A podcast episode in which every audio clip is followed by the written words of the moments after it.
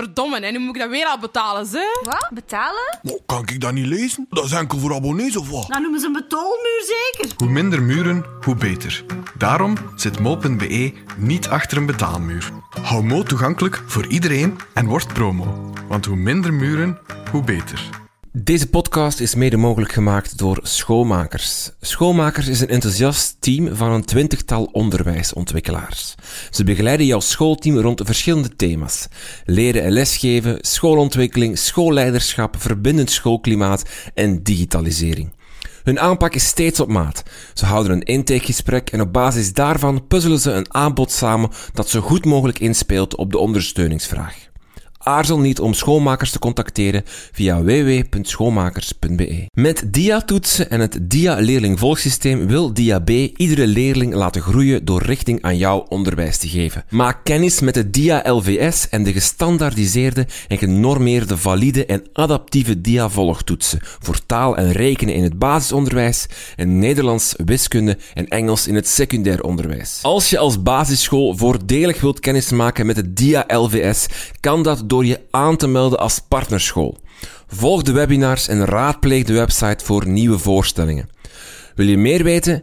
Kijk dan op de website www.diab.be of vraag een gratis productpresentatie aan.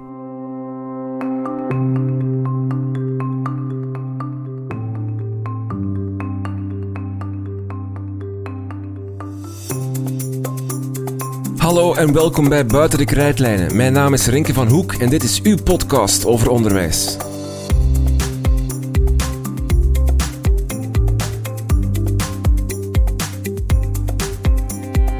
Je mag nooit stoppen met leren, dat zeggen ze toch. Nooit stoppen met leren kan je vatten in de term levenslang leren. En wat blijkt, in Vlaanderen zijn we daar niet zo goed in. Cijfers tonen aan dat 7% van de Vlamingen tussen de 25 en 65 nog deelneemt aan een opleiding. Dat is minder dan het EU-gemiddelde van 9%. In koploper Zweden loopt dat aantal zelfs op naar de 28,6%. Hoe komt het dat we in Vlaanderen niet zo graag meer bijleren na onze initiële opleiding? En waarom is dat zo belangrijk dat we blijven bijleren, ook nadat we al een goed diploma of fijne job hebben? We vragen het aan de voorzitter van de Raad Hoger Onderwijs van de Vlor, Veerle Hendricks, en ook aan de voorzitter van de Raad Levenslang en Levensbreed Leren van de Vlor, Kurt Berteloot. Met hen ga ik op zoek naar de oorzaken van onze lage cijfers rond levenslang leren en vooral hoe we die kunnen opkrikken. Veerle Hendricks en Kurt Berteloot.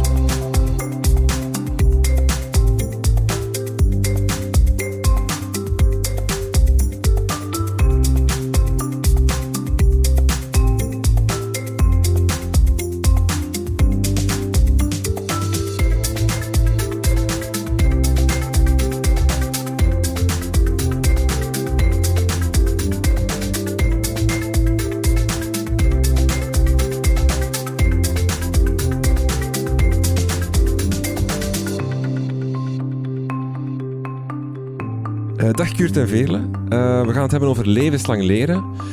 Uh, cijfers tonen aan dat wij in Vlaanderen daar niet zo heel goed in zijn. Dat we daar niet zo heel veel in participeren, in, in, in leren na dat we een diploma hebben gehaald, of dat we klaar zijn, of dat we aan de, aan de slag zijn. Dat we daar niet zo heel sterk in zijn. Misschien eerst even dat we goed weten waarover we spreken. Wat is levenslang leren? Wat verstaan we daar juist onder? Goh, um, levenslang leren voor mij is het leren dat uh, plaatsvindt na het initiële traject. Uh, het initiële traject, dat is uh, het leerplichtonderwijs en het hoger onderwijs, maar alles wat dat nadien, uh, na het, de initiële leerloopbaan plaatsvindt, is levenslang leren voor mij. Dus ik ben, ik heb middelbaar onderwijs gedaan, daarna ben ik leerkracht gaan studeren, dan ben ik beginnen werken en dan na twee jaar heb ik gezegd, ik ga toch nog universiteit doen en werken tegelijk, dan ben ik nu aan het levenslang leren. Voor ik mij is het levenslang leren. Ik zit ja. bij de cijfers. Ja, yes. we tellen jou mee. ja. Um, is, het, is het daar ook waar het echt over gaat eigenlijk? De werkende mens die zich blijft bijscholen, of is dat te eng? Dat is te eng, voor mij. Allee, vele uh, werkende mens, bedoel... Um, Allee, je hebt ook uh, werkzoekenden, je hebt uh, mensen die gewoon, ja, uh, huisman, huisvrouw, die ook allee, zich willen een stukje ontplooien. Dat is voor mij ook, allee, dat is ook levenslang leren. Hè. Mm -hmm. Ja, wij, wij gebruiken eigenlijk ook dat is een andere manier om het te definiëren. Alle leren boven de 25 jaar beschouwen wij ook als levenslang leren. Dus dat kan inderdaad arbeidsmarktgericht zijn, maar het kan echt ook in functie zijn van persoonlijke ontwikkeling of maatschappelijke integratie.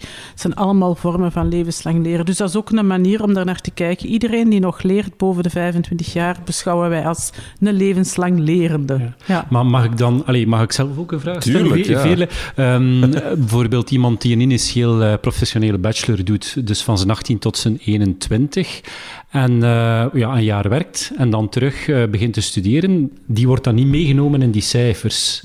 Nee, voorlopig doen wij dat eigenlijk Ja, niet. Omdat wij eigenlijk echt wel zeggen... ehm, je hebt eigenlijk een tijd eh, op de arbeidsmarkt vertoefd en dan komt het terug. Ja, Ja, dus ja. voorlopig zeggen Ja. wij eigenlijk... En in onze eigen cijfers nemen wij echt de grens op plus 25. Waarmee ik niet wil zeggen... Wij hebben ook werkstudenten in het hoger onderwijs ehm, die al veel jonger starten. Ook dat is heel waardevol. Hè? Daar doe ik geen afbreuk aan. Maar wij leggen de lat eigenlijk wel op eh, plus 25. En ik weet, ja, de cijfers... ehm, ehm, het cijfermateriaal wordt inderdaad ook eh, genomen op die, eh, op die 25 jaar. Hè. Dus de, men gaat voor het cijfermateriaal gaan kijken hoeveel eh, opleiding heb je gevolgd in de laatste maand. Dus bij de 25 tot 65-jarigen. Dus dat is eigenlijk ook wel een stukje een, een, een iets engere definitie, Ja. vind ik. Ja. Wat voor karakter heeft dat levenslang leren? Want, want bij mij is het gekomen, ik ben gaan bijstuderen omdat ik dat wauw, intrinsiek, voor de eerste keer koos ik echt om te studeren. Daarvoor is het van, je moet een diploma halen, je moet, dan, je moet, op, je moet naar school gaan. Is het altijd een soort van intrinsieke, gemotiveerd ehm, traject dat je daar nog aangaat, van, vanuit je eigen wil, van ik wil nog bijleren? Of is dat ook weer te eng gedefinieerd?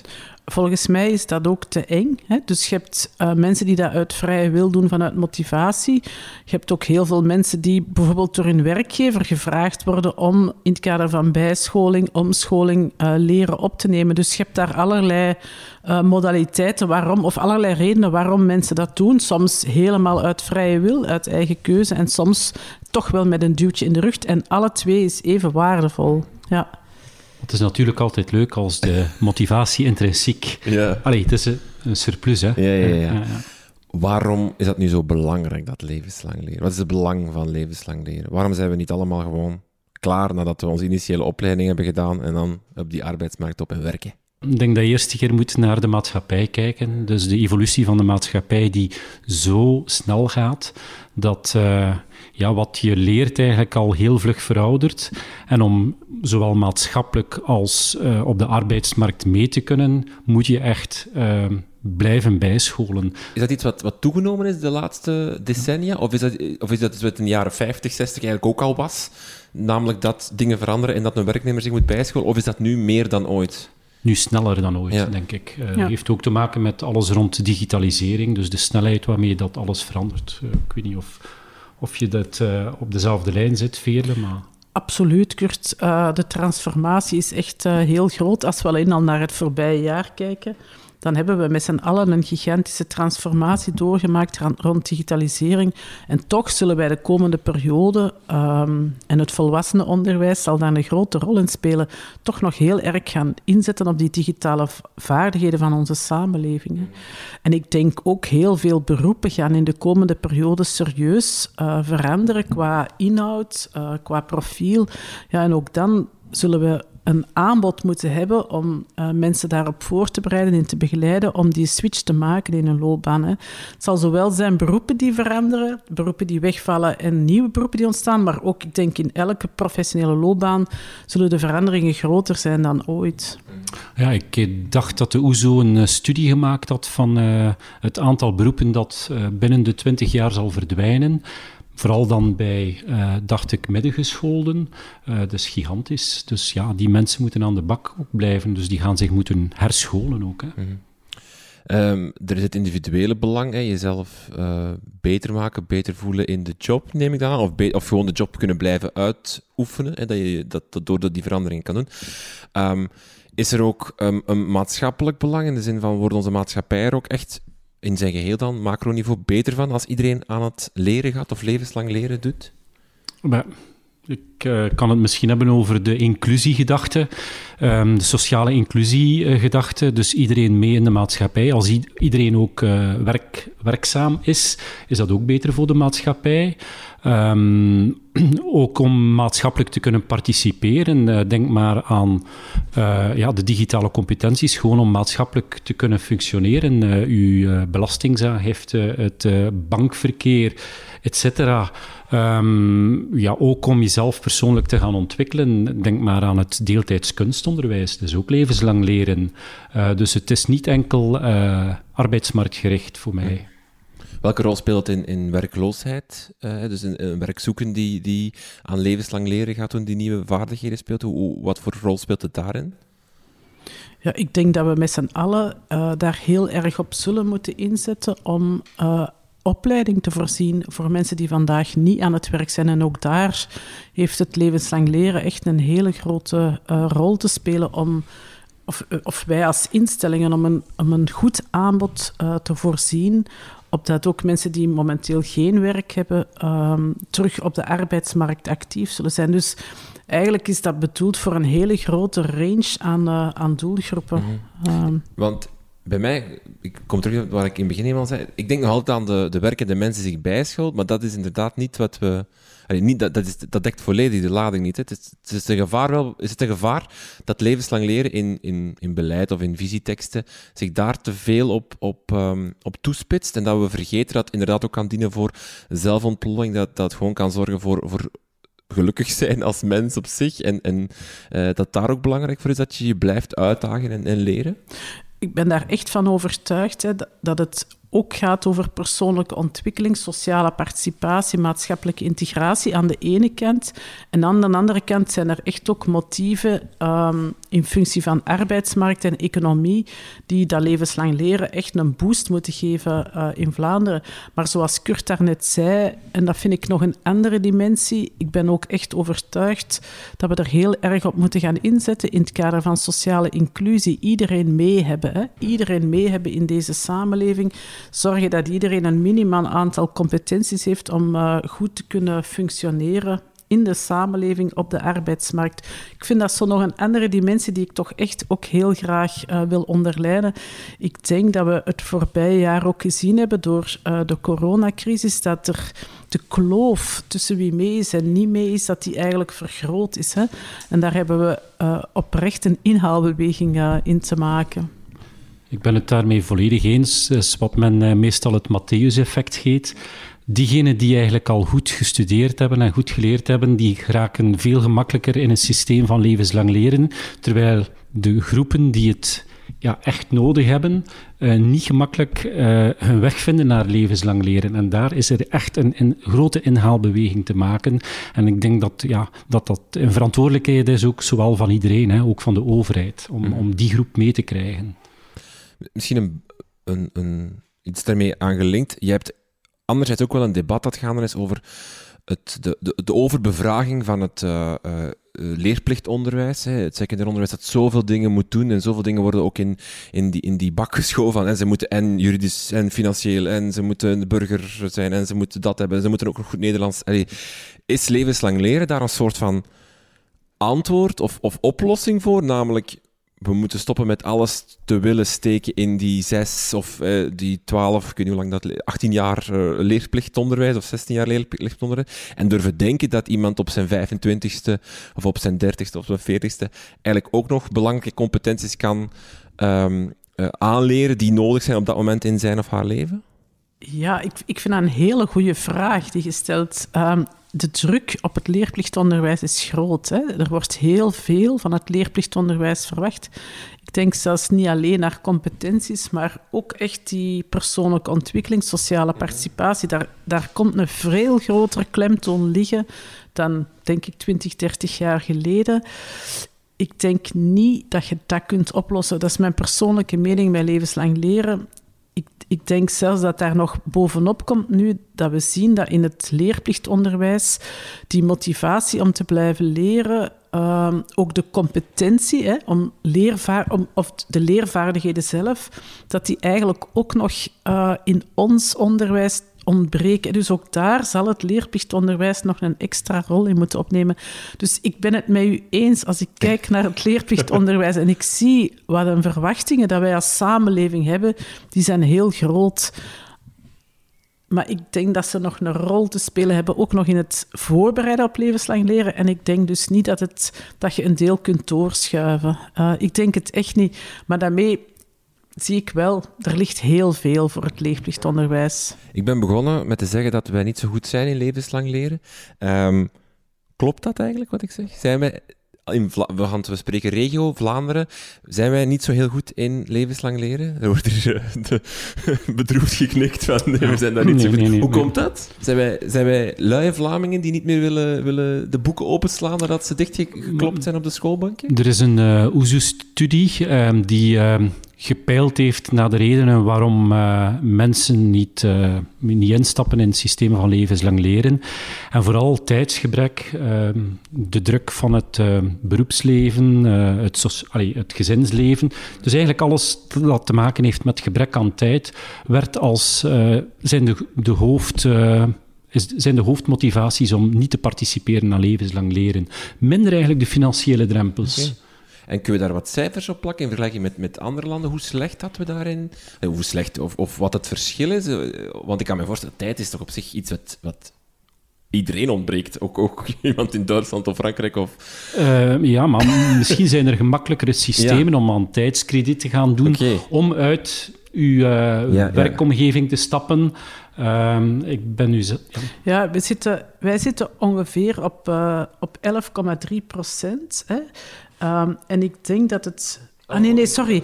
Nee, nee, ik moet mij corrigeren. Uh, uw gemiddelde ligt op 11,3 procent en wij zitten maar op 8,6 procent. En eigenlijk hadden wij al de ambitie om in 2020 de 15 procent doelstelling te halen, wat we echt niet gehaald hebben. En ik, ik volg Kurst. Um, ik denk dat in ons maatschappelijk leven dat wij um, dat wij Vlamingen gekend zijn als zeer ijverig. Hè? En, en uh, dat wij heel veel... Um, ja, dat wij eigenlijk weinig tijd overhouden voor dat soort dingen. En ik denk ook nog altijd dat er weinig gefaciliteerd wordt hè, qua tijd in het beroepsleven um, om te kunnen blijven leren. Een soort van, uh, van krediet, tijdskrediet bijvoorbeeld, dat kennen wij amper uh, in dus- Vlaanderen. Dus, dus, eigenlijk kan je wel zeggen van een, een Duitser of een Fransman heeft eigenlijk even, even weinig tijd. Alleen zijn daar meer mogelijkheden om uh, financieel of, of, of binnen je job of binnen je leven eigenlijk tijd te nemen door andere dingen minder te gaan doen. Zoals tijdskrediet op zich. Ja, dat blijkt in elk geval uit vergelijkende studies ja. uh, dat andere ons omringende landen dat eigenlijk beter faciliteren dan, dan wij dat doen. En uh, financiële speelt minder een rol. Het aanbod, denk ik, daar is ook nog wel iets over te zeggen. Hè, dat wij ook van het hoger onderwijs verwacht men ook echt dat wij de komende jaren dat aanbod aan levenslang leren echt gaan verruimen. Hè. Uh, maar natuurlijk, aanbod ontwikkelen als er geen vraag is. Hè, die twee haken in elkaar uh, samen. Dus er zal ook echt aan de de vraagzijde naar levenslang leren moet echt gestimuleerd worden in Vlaanderen. Ja, allee, wat betreft de aanbodzijde, op dit ogenblik is er ook heel weinig transparantie op dat vlak. Hè. Dus het is een, voor iemand die uh, wil levenslang leren, zijn er gigantisch veel mogelijkheden, maar het is heel moeilijk om het bos door de bomen te zien. Dus voor iemand die lager geschoold is, wordt het, is het zelfs moeilijk om het gepaste aanbod te vinden. Ja, er is geen overzicht, las ik ergens in een van jullie adviezen. Van, er is eigenlijk geen, er is, ik, ik, ik las zelfs, maar corrigeer als ik dat fout geïnterpreteerd, dat jullie pleiten voor een soort van VDAB, die, die, een, die een databank van werk is, dat er zo, een soort gelijk komt, een databank of, een, of een, een instantie die jou helpt als je wil bijleren, als je wil levenslang leren, doet dat er een soort van broertje komt van de VDAB? Die, ja, eigenlijk uh, wordt er gepleit voor een soort um, centrale leerloopbaanbegeleiding met wat, wat er in bepaalde steden al is. Hè. Leerwinkels, waar mensen zich kunnen aanbieden voor een intake, waar dus de leervraag wordt gedefinieerd en waar men dan gaat kijken wat het gepaste aanbod is om aan die leervraag te voldoen. Daar zijn al, um, er is een paar jaar terug een, uh, een uh, Europees project geweest waarin dat heel dat, dat concept van leerwinkels uitgewerkt werd. In vergelijking ook vergeleken met een aantal andere landen. Daar zijn beleidsaanbevelingen gebeurd naar de politiek. Maar ja, op dit ogenblik is er geen politieke wil om, om daar iets aan te doen denk echt ehm, dat een, eh, een goed overzicht hebben van wat de mogelijkheden zijn, zowel aan aanbod als faciliteren van, de, van het leren, daar is echt uh, heel grote nood aan. En ik, ik kan eigenlijk ook echt spreken vanuit ervaring. Um, als je eraan wilt beginnen als werkende, um, dan is het echt niet zo gemakkelijk om zicht te krijgen op alle regeltjes die je moet volgen om in aanmerking te komen voor een of ander, voor ondersteuning, financieel, of aan welke, ja, aan welke regels dat je moet, je komen. En dat is heel weinig afgestemd tussen onderwijs en werk. Hè. Dus daar ligt echt een hele grote uitdaging. Uh. Bedoelt u dan dat want binnen onderwijs heb je die studiepunten, als we dan over hoger onderwijs spreken, dat, dat die bijvoorbeeld een link zouden hebben met, met wat je op het werk doet, met daar Ehm, met, met je verloning of met je, met je, je tijdsbesteding op het werk, dat dat gelinkt is aan elkaar? Ja, uh, het gaat bijvoorbeeld ook over iemand die in het hoger onderwijs nog als werkende een studie komt doen, die moet dan voor de VDAB dikwijls aan bepaalde voorwaarden voldoen. En die regelgeving is helemaal niet up-to-date met de wijze waar, waarop er vandaag in het hoger onderwijs uh, onderwijs geboden wordt. En uh, dat, dat alleen is eigenlijk een clue. Hè. Dan spreekt men nog heel dikwijls over docenten die papiertjes moeten tekenen en dan de student zoveel uren in de les geweest is. Maar vandaag geven wij op heel andere manieren les. En ja, er is zo weinig afstemming op dat vlak. En dat, dat helpt niet. Hè. Dat helpt mensen niet als ze allerlei ja, het idee hebben dat ze allerlei bureaucratische regels moeten voldoen om toch tegemoet te komen aan een, aan een, uh, een vergoeding of zo. Dus ja, we, er is daar echt actualisatie nodig. Ja, dat klopt. Het volwassenenonderwijs is net hetzelfde. Uh, wat vroeger het educatief verlof, nu het uh, Vlaams opleidingsverlof, om daar het bos door de bomen te zien, alle mogelijke financiële incentives waar je eventueel recht zou kunnen op hebben. Afstemming tussen Vlaams en federaal, dat is echt een kluwen van regels waar uh, een, uh, ja, normale cursist eigenlijk niet, niet, niet wijs uitraakt. Hè. Hmm. Want dat is inderdaad wel iets wat je moet hebben als je, als je werkt en je wilt nog studeren, is een soort van flexibiliteit in beiden eigenlijk. Hè. En wat ik nu hoor is dat enerzijds onderwijs dat wel al begint te hebben met, met afstandslessen, met videolessen, met uh, uh, werk, werkstudentstatuut ook, waarin je wel wat, wat vrijheid krijgt, maar dat dat binnen het werkgedeelte dan, in zijn grote geheel, nog, nog ontbreekt door uh, nog wat verouderde methodes en dergelijke? Um, allee, ik denk ook bij jullie afstandsonderwijs, dat is eigenlijk de ideale manier om een stukje tijds- en plaats onafhankelijk uh, levenslang leren aan te bieden. Maar de, um, het, bijvoorbeeld uh, het Vlaams opleidingsverlof is daar nog niet aan aangepast. Dus het is, als je afstandsonderwijs volgt, moet je nog contactonderwijs... Allee, uh, voor het Vlaams op, opleidingsverlof moet je eigenlijk nog contactonderwijs volgen en moet je nog je aanwezigheid kunnen bevestigen. Terwijl, ja, de systemen zijn helemaal anders. Hè. Uh, afstandsleren betekent een individueel traject via een leerplatform. En uh, dat is niet meer op vastgestelde momenten. Er zijn misschien nog wel een aantal gezamenlijke coachingsmomenten, maar ja. Ja, die, die regelgeving daaromtrent, ja, daar, is, daar is op dit moment geen afstemming over. En eigenlijk zijn de lerenden zijn daar wel de dupe van. Hè. Ja.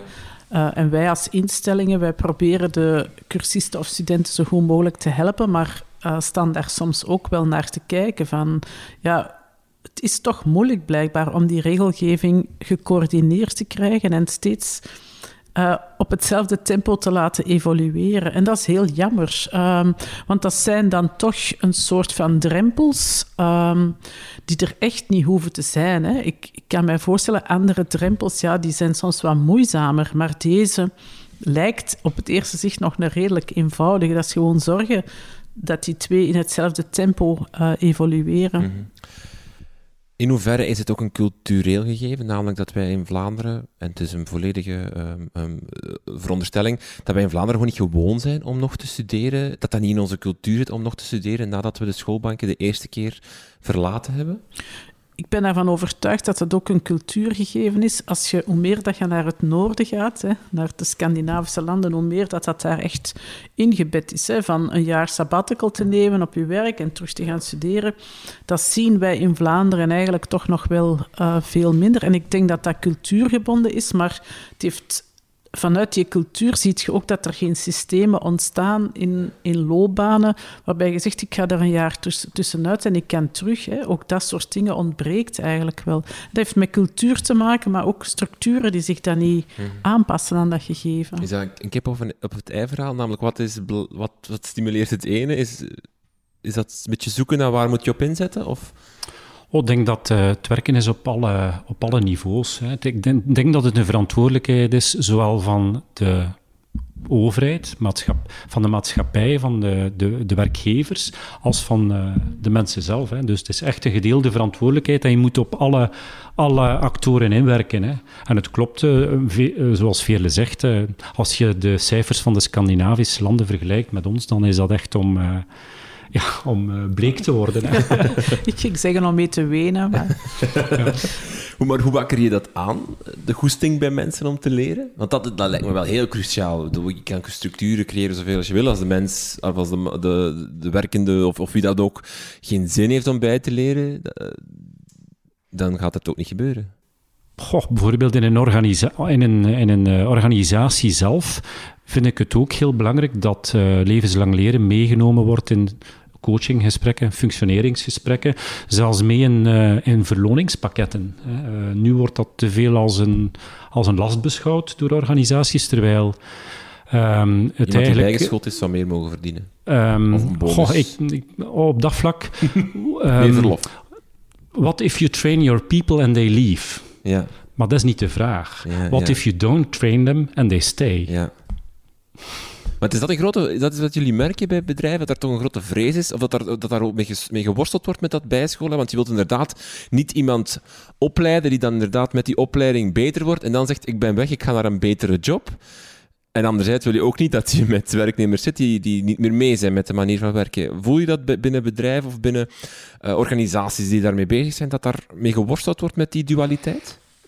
Ik denk dat er een groot verschil is tussen eh, onze KMO's en eh, de grote organisaties. Dat er binnen grote organisaties, multinationals, wel al een, eh, een eh, verandering is. Maar ja, met KMO's merk je... Allee, merk dat in de discussies met werk ook, waar bijvoorbeeld Unizo dan aanwezig is, merk je toch dat ja, die KMO's hebben die...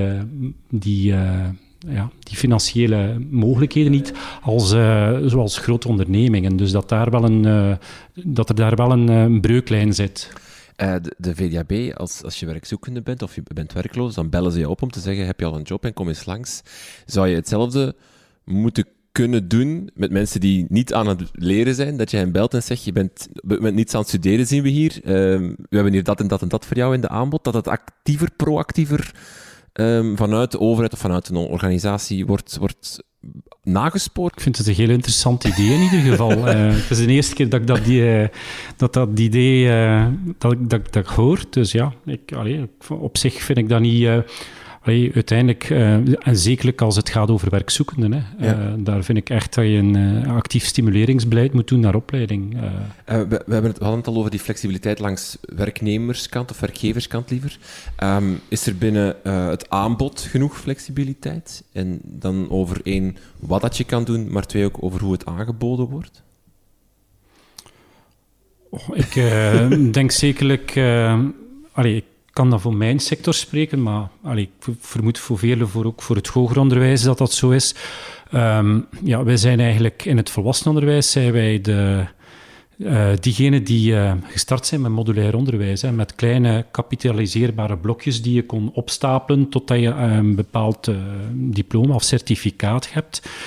Nu, dat was vroeger al zo, dat was dan nog contactonderwijs, maar de laatste jaren hebben wij gigantisch geïnvesteerd in afstandsonderwijs, in gecombineerd onderwijs, eh, in werkplekleren, in het, eh, het eh, valideren van elders verworven competenties. Dus ik denk dat het systeem wel flexibel genoeg is. Ehm, het enige onderscheid dat wij hebben, is dat wij ehm, binnen onze opleidingen ook wel een stukje inzetten op wat meer generieke competenties. In vergelijking met een VDAB-opleiding, die echt wel louter de zeer technische competenties en de, de, zo de highway naar het beroep. Wij proberen een aantal ook meer generieke competenties, zoals eh, kritisch, bewust, kritisch omgaan met informatie, een aantal algemene competenties ook mee te geven. In het hoger onderwijs ehm, moet ik echt het onderscheid maken tussen de diplomagerichte opleidingen. Hè. Dus dat is dan echt het behalen van een diploma als werkende, daar zie je een enorme evolutie in uh, specifieke trajecten die ontstaan om uh, werkenden die kans te geven. En dat is dan altijd een mix van afstandsonderwijs en contactonderwijs. En daar heeft, ik wou zeggen het voorbije jaar, hè, maar de voorbije anderhalf jaar ons ook nog heel veel in geleerd. Hè.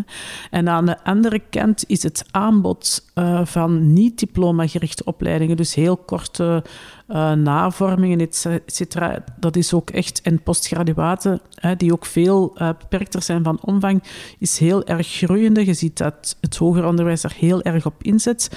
En er ontstaat nu ook, uh, wat Kurt dan in het uh, volwassenenonderwijs de modules noemt, zie je dat in het hoger onderwijs er ook langer of meer sprake is van microdegrees of microcredentials, waarbij wij ook echt gaan zeggen van, het is dan een tussenvorm tussen een diploma en niet-diploma gericht, waarbij je eigenlijk een soort van uh, credit krijgt hè, voor kleine pakketten die je volgt en die je dan ook kunt opbouwen. En daar zal uh, iedereen verwachten in de komende jaren nog een hele sterke evolutie ontstaan in het uitbouwen van die microcredentials.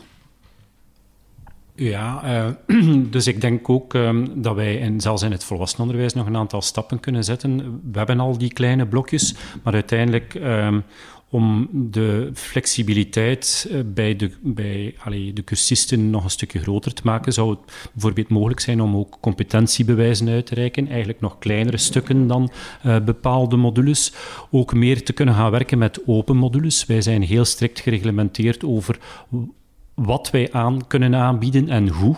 De overheid bepaalt dat heel sterk mee op basis van uh, beroepskwalificaties.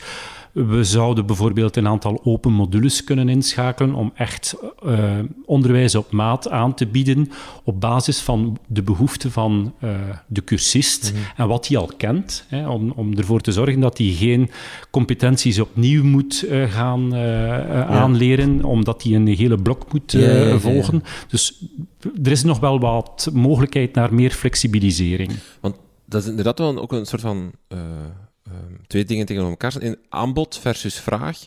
En wat moet, wat moet de leiding nemen, of wat moet de sturing nemen? Het aanbod gestuurd uh, levenslang leren zijn dat we moeten stimuleren in onze maatschappij. Namelijk uh, de instanties die een aanbod voorstellen waar dat we dan zoveel mogelijk moeten naar de mens brengen. Of moet het vanuit de, de, de mens zelf komen, wat hij wil leren. En daar moeten dan uh, organisaties op inspelen. Welke twee, of welke van de twee zijn de, is het belangrijkste? Voor mij is in het kader van levenslang leren uh, hebben wij als, als instellingen voor hoger onderwijs absoluut de opdracht om zo goed mogelijk in te spelen op de vraagzijde. Hè. Uh, maar dat wil niet zeggen dat we geen regulier aanbod gaan ontwikkelen, maar die moet wel nog meer dan onze basisopleidingen echt inspelen op actuele noden en actuele vragen. Dat, dat is ook voor het hoger onderwijs uh, ligt daar ook nog wel een uitdagend pad, hè, want dat vraagt heel veel afstemming met het werkveld. Uh, maar, ja, want, ik, ja. maar ik, ik, ben overtuigd dat daar de vraagzijde de, lead moet, de, ja. de, leid, de leiding moet hebben. En hoe, hoe, hoe breng je die vraag in kaart? Want is dat dan puur bij werkgevers gaan vragen van... Wat zien jullie dat jullie, dat jullie werknemers ontbreekt? Of, of, of hoe... Ik, Um, er zit zeker een heel belangrijk stuk om met werkgevers in contact te gaan, maar zoals wij dat ook voor onze basisopleidingen doen, betekent dat ook dat wij met onze alumni in gesprek gaan en horen wat dat zij als -hmm. belangrijke tendensen zien. Hè. Dus ik denk dat de twee echt noodzakelijk zijn. En moet je voorsprong nemen? In de zin van moet je mensen voorbereiden op de, de op, op wat ze voor vijf jaar moeten kunnen. We spraken net al over die snel veranderende maatschappij. Je hebt ook het risico dat je altijd achterop loopt, dat je computervaardigheden aanleert en tegen dat ze het kunnen is het alweer veranderd. Allee, dat is nu heel kort door de bocht, maar is, is daar ook een, de uitdaging dat je, dat je voorop loopt met wat je aanleert? Ja, absoluut. Daarom dat ik uh, daarnet aangaf van eigenlijk moeten wij een soort van omgevingsanalyse doen, gesprekken houden met uh, bedrijven, maar ook met onze alumni, goed rondkijken wat er uh, leeft en op basis daarvan uh, inspelen op huidige vragen en toekomstige vragen. Maar het, maar het appel naar, we moeten inspelen op wat dat zich aandient vanuit de omgeving, is daar nog veel groter dan bij de basisopleidingen. Allee, ik volg veel volledig, maar daar allee, zijn wij uh, binnen het uh, volwassenenonderwijs wel allee, een beetje beknot in die zin dat de overheid heel sterk stuurt over welke programma's wij mogen aanbieden. Dus al onze opleidingen, beroepsgerichte opleidingen, worden gebaseerd op beroepskwalificaties. En dat zijn eigenlijk bestaande eh, beroepen. We kunnen ons heel moeilijk gaan richten naar de toekomstige beroepen. Jammer En- genoeg. ja, ja, ja. ja, ja. dus dat is echt een eh, gebrek dat wij heel sterk gestuurd worden qua inhoud van hetgene wij kunnen aanbieden. En de overheid speelt daar een heel sterk regulerende rol in. Eigenlijk zijn we vragende partij om daar ook een stukje, vooral omdat we in de sector van levenslang leren bezig zijn en mensen bereiden, voorbereiden op, op de toekomst ook. Hè. Laten we even naar die, die structuren gaan en misschien beginnen bij, misschien niet zo belangrijk of toch belangrijk, geld. In verre is, is het, het ontbreken van die structuren of het eh, te weinig uitbouwen van die structuren, is dat een geldskwestie?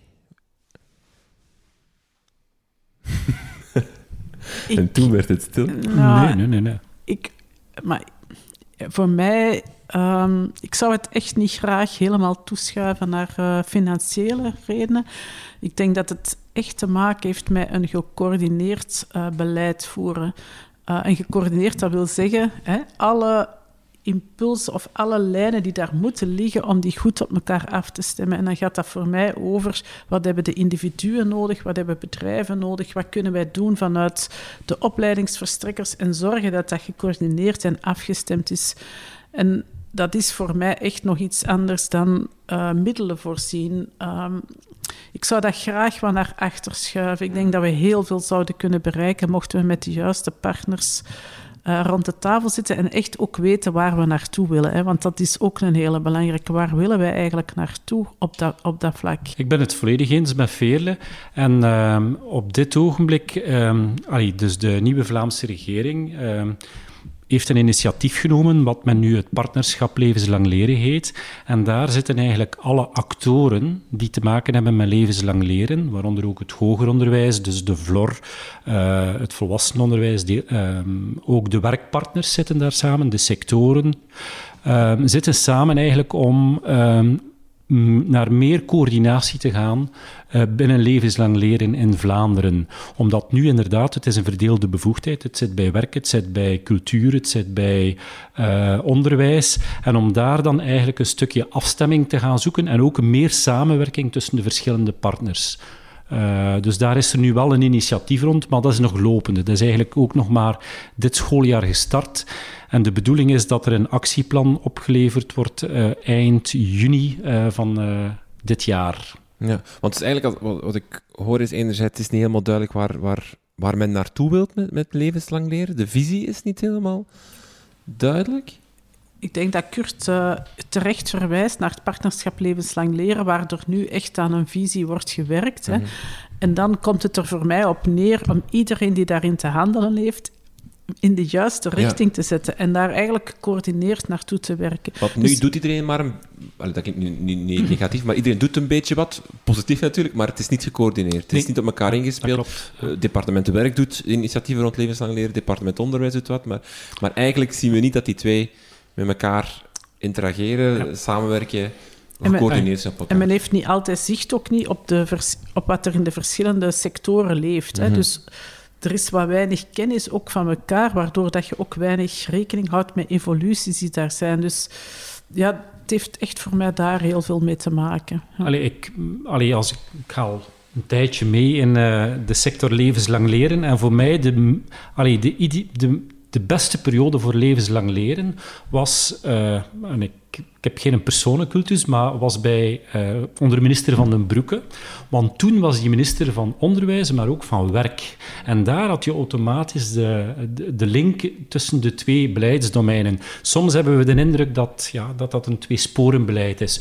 Men wil daar nu inderdaad een, stukje uh, aan werken. Dus ik hoop, ja, ik hoop eigenlijk dat dat lukt tijd is eigenlijk de grootste belemmering, uh, geeft uh, onderzoek aan. Is, moet dan een van die prioriteiten ook zijn meer mogelijkheden om tijd te creëren? Ja, heel zeker. En ik denk dat het heel belangrijk is dat je goede systemen krijgt, waardoor mensen een tijdje uh, tijd vrijmaken om een, om een opleiding te gaan volgen. En, en voldoende garantie. Ja, maar goede systeem, dat betekent dat je financiële zekerheid hebt. Ja. Hè, dat je ook kunt terugkeren naar je oorspronkelijke job.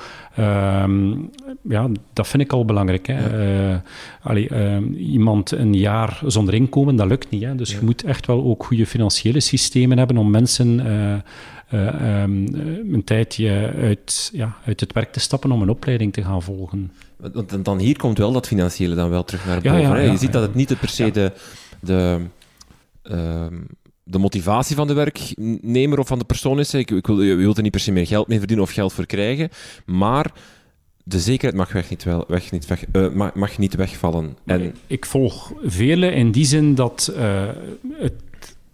Allee, je lost niet alles op met geld. Hè, Mhm. Maar geld is uiteraard wel een belangrijke factor om een aantal zaken, eh, een bepaalde visie te realiseren. Hè. In hoeverre moet, moet leren op de werkplek de- een soort van prioriteit of een pijler worden? Hè? Want nu nog altijd denken we van bij leren je moet je verplaatsen naar een school of naar een universiteit of, naar, of, of, nu, of desnoods s'avonds slaat voor je laptop. Maar in hoeverre zou het ook gewoon binnen je uren op de werkplaats, naast je, op je, op je, eh, eh, aan je bureau of, of aan, de, eh, aan je werkplaats moeten gebeuren?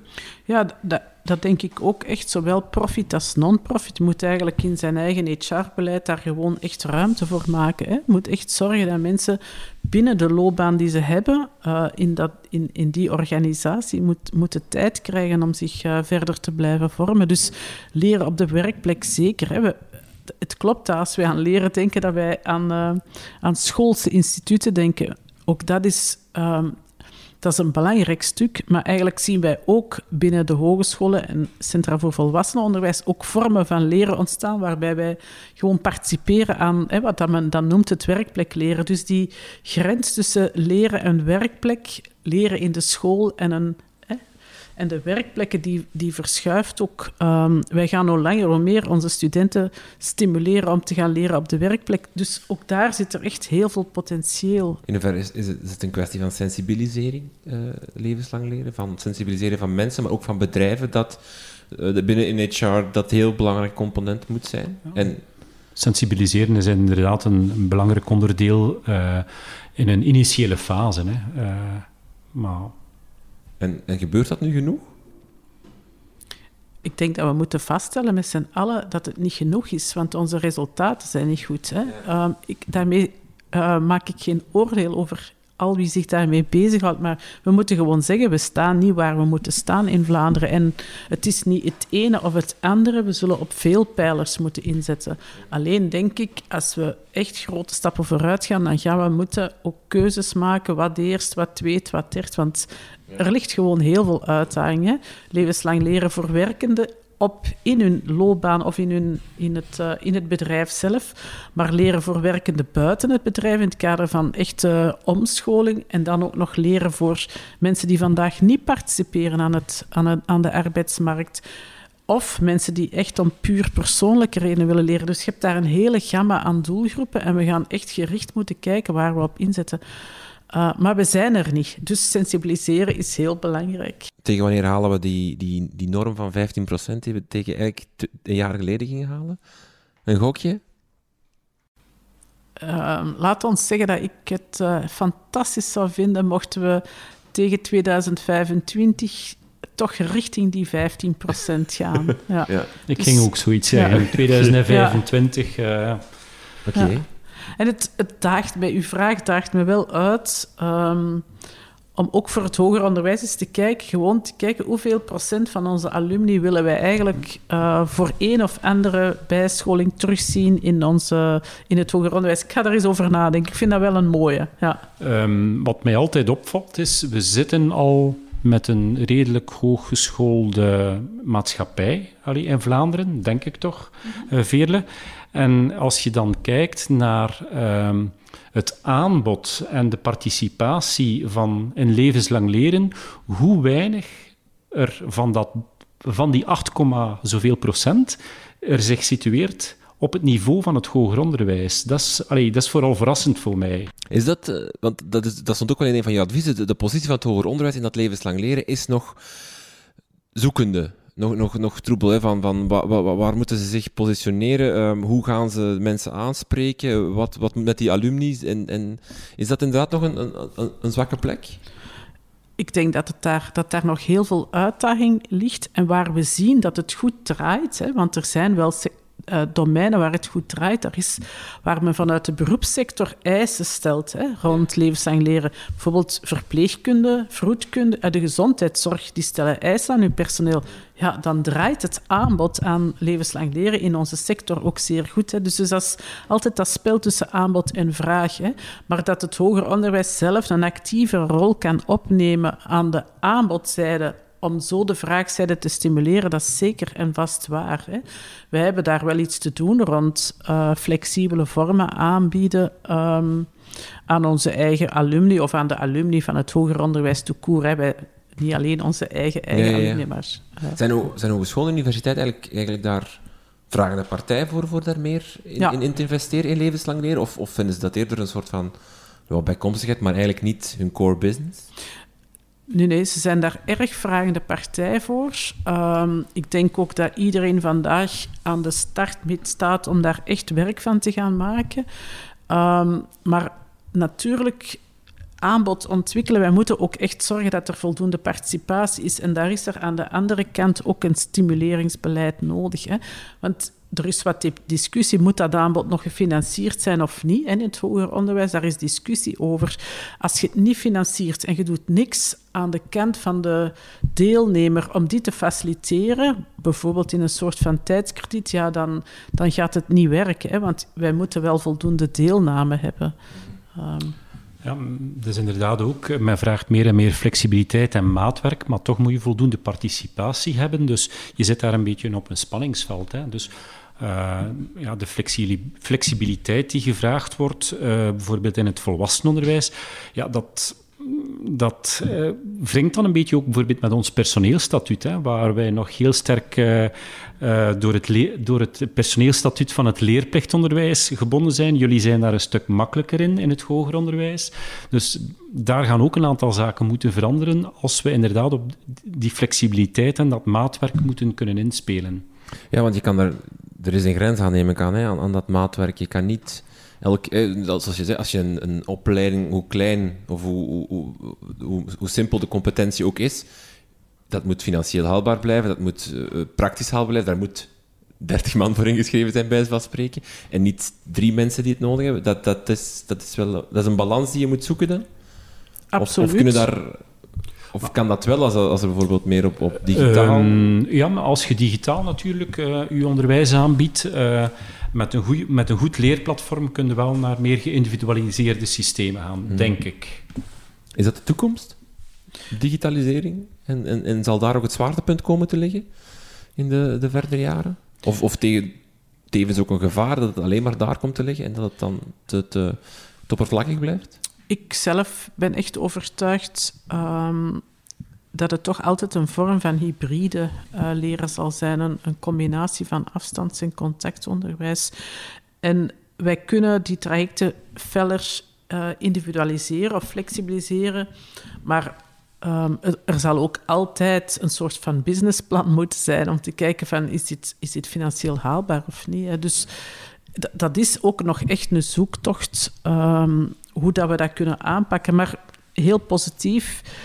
Ik denk dat, dat dat echt heel positief is. We zien vandaag heel veel actoren die wel aan die beginmeet staan om er nu echt werk van te maken. Zowel de politiek als de overheidsinstanties als de instellingen zelf. Ehm, en ik denk dat we met z'n allen moeten samenwerken om, het, eh, om er een boost aan te geven. Oké.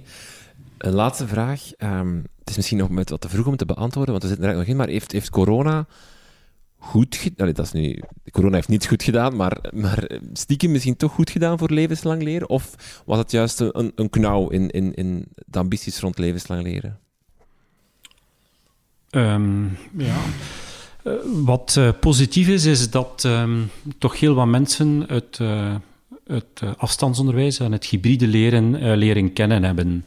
Ehm, ja, voor het aantal inschrijvingen in het volwassenenonderwijs was het een heel slechte zaak. Eh, dus 2020 was anus horribilis en 2021 zal niet zoveel beter zijn. Eh, met natuurlijk heel wat impact op onze financiering. En eh, ja, dus eh, op dat vlak was dat minder. Maar allee, ik hoop, allee, ik hoop en, en de overheid probeert daar dan wel een, een, een stukje incentive voor te geven, dat we ja, wat extra middelen krijgen om mensen ja, het is niet voor niks dat men 2021 het jaar van de opleiding uh, uh, noemt. Okay. Dus er zal daar wel wat werk zijn in het kader van post-corona, denk ik. Mm. Ja, in het hoger onderwijs eigenlijk hetzelfde. Wat heel positief is, is dat er een boost is gegeven aan dat hybride leren. Zowel aan de aanbodzijde, is daar heel veel ervaring op gedaan en een beetje ja, het vertrouwen dat dat eigenlijk ook echt heel goed kan werken. Um, en wat wij zien is dat sommige trajecten voor werkstudenten echt goed gelopen hebben en andere veel minder goed. Bijvoorbeeld de lerarenopleidingen hebben het heel goed gedaan, ook voor de werkstudententrajecten. En andere opleidingen dan weer minder. Dus um, daar ligt eigenlijk geen globale glo globale lijn. En grosso modo, maar dan gaat het over de basisopleidingen, denk ik dat heel het hoger onderwijs gezien heeft dat de studenten het eigenlijk al bij al niet slecht gedaan hebben. Hè? Omdat ze minder afleiding hadden. Of dat dat nu goed is of slecht is, dat weet ik niet. Hè? Voor het studeren wel, maar voor heel veel andere aspecten is dat ook geen goede zaak geweest. Oké. Okay. Kurt en Veerle, heel veel dank voor het gesprek. Dank je wel.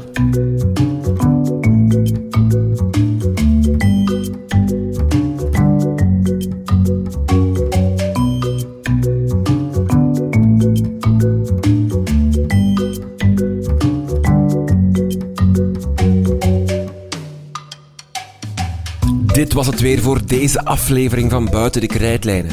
Alle info vind je op onze website www.dekrijtlijnen.be. Check ook zeker even de show notes voor extra informatie. Blijf op de hoogte van onze plannen en nieuwe afleveringen via Twitter, Facebook of Instagram. Een lijst van al onze 75 voorgaande afleveringen vind je ook op www.dekrijtlijnen.be. Dank voor het luisteren en tot de volgende.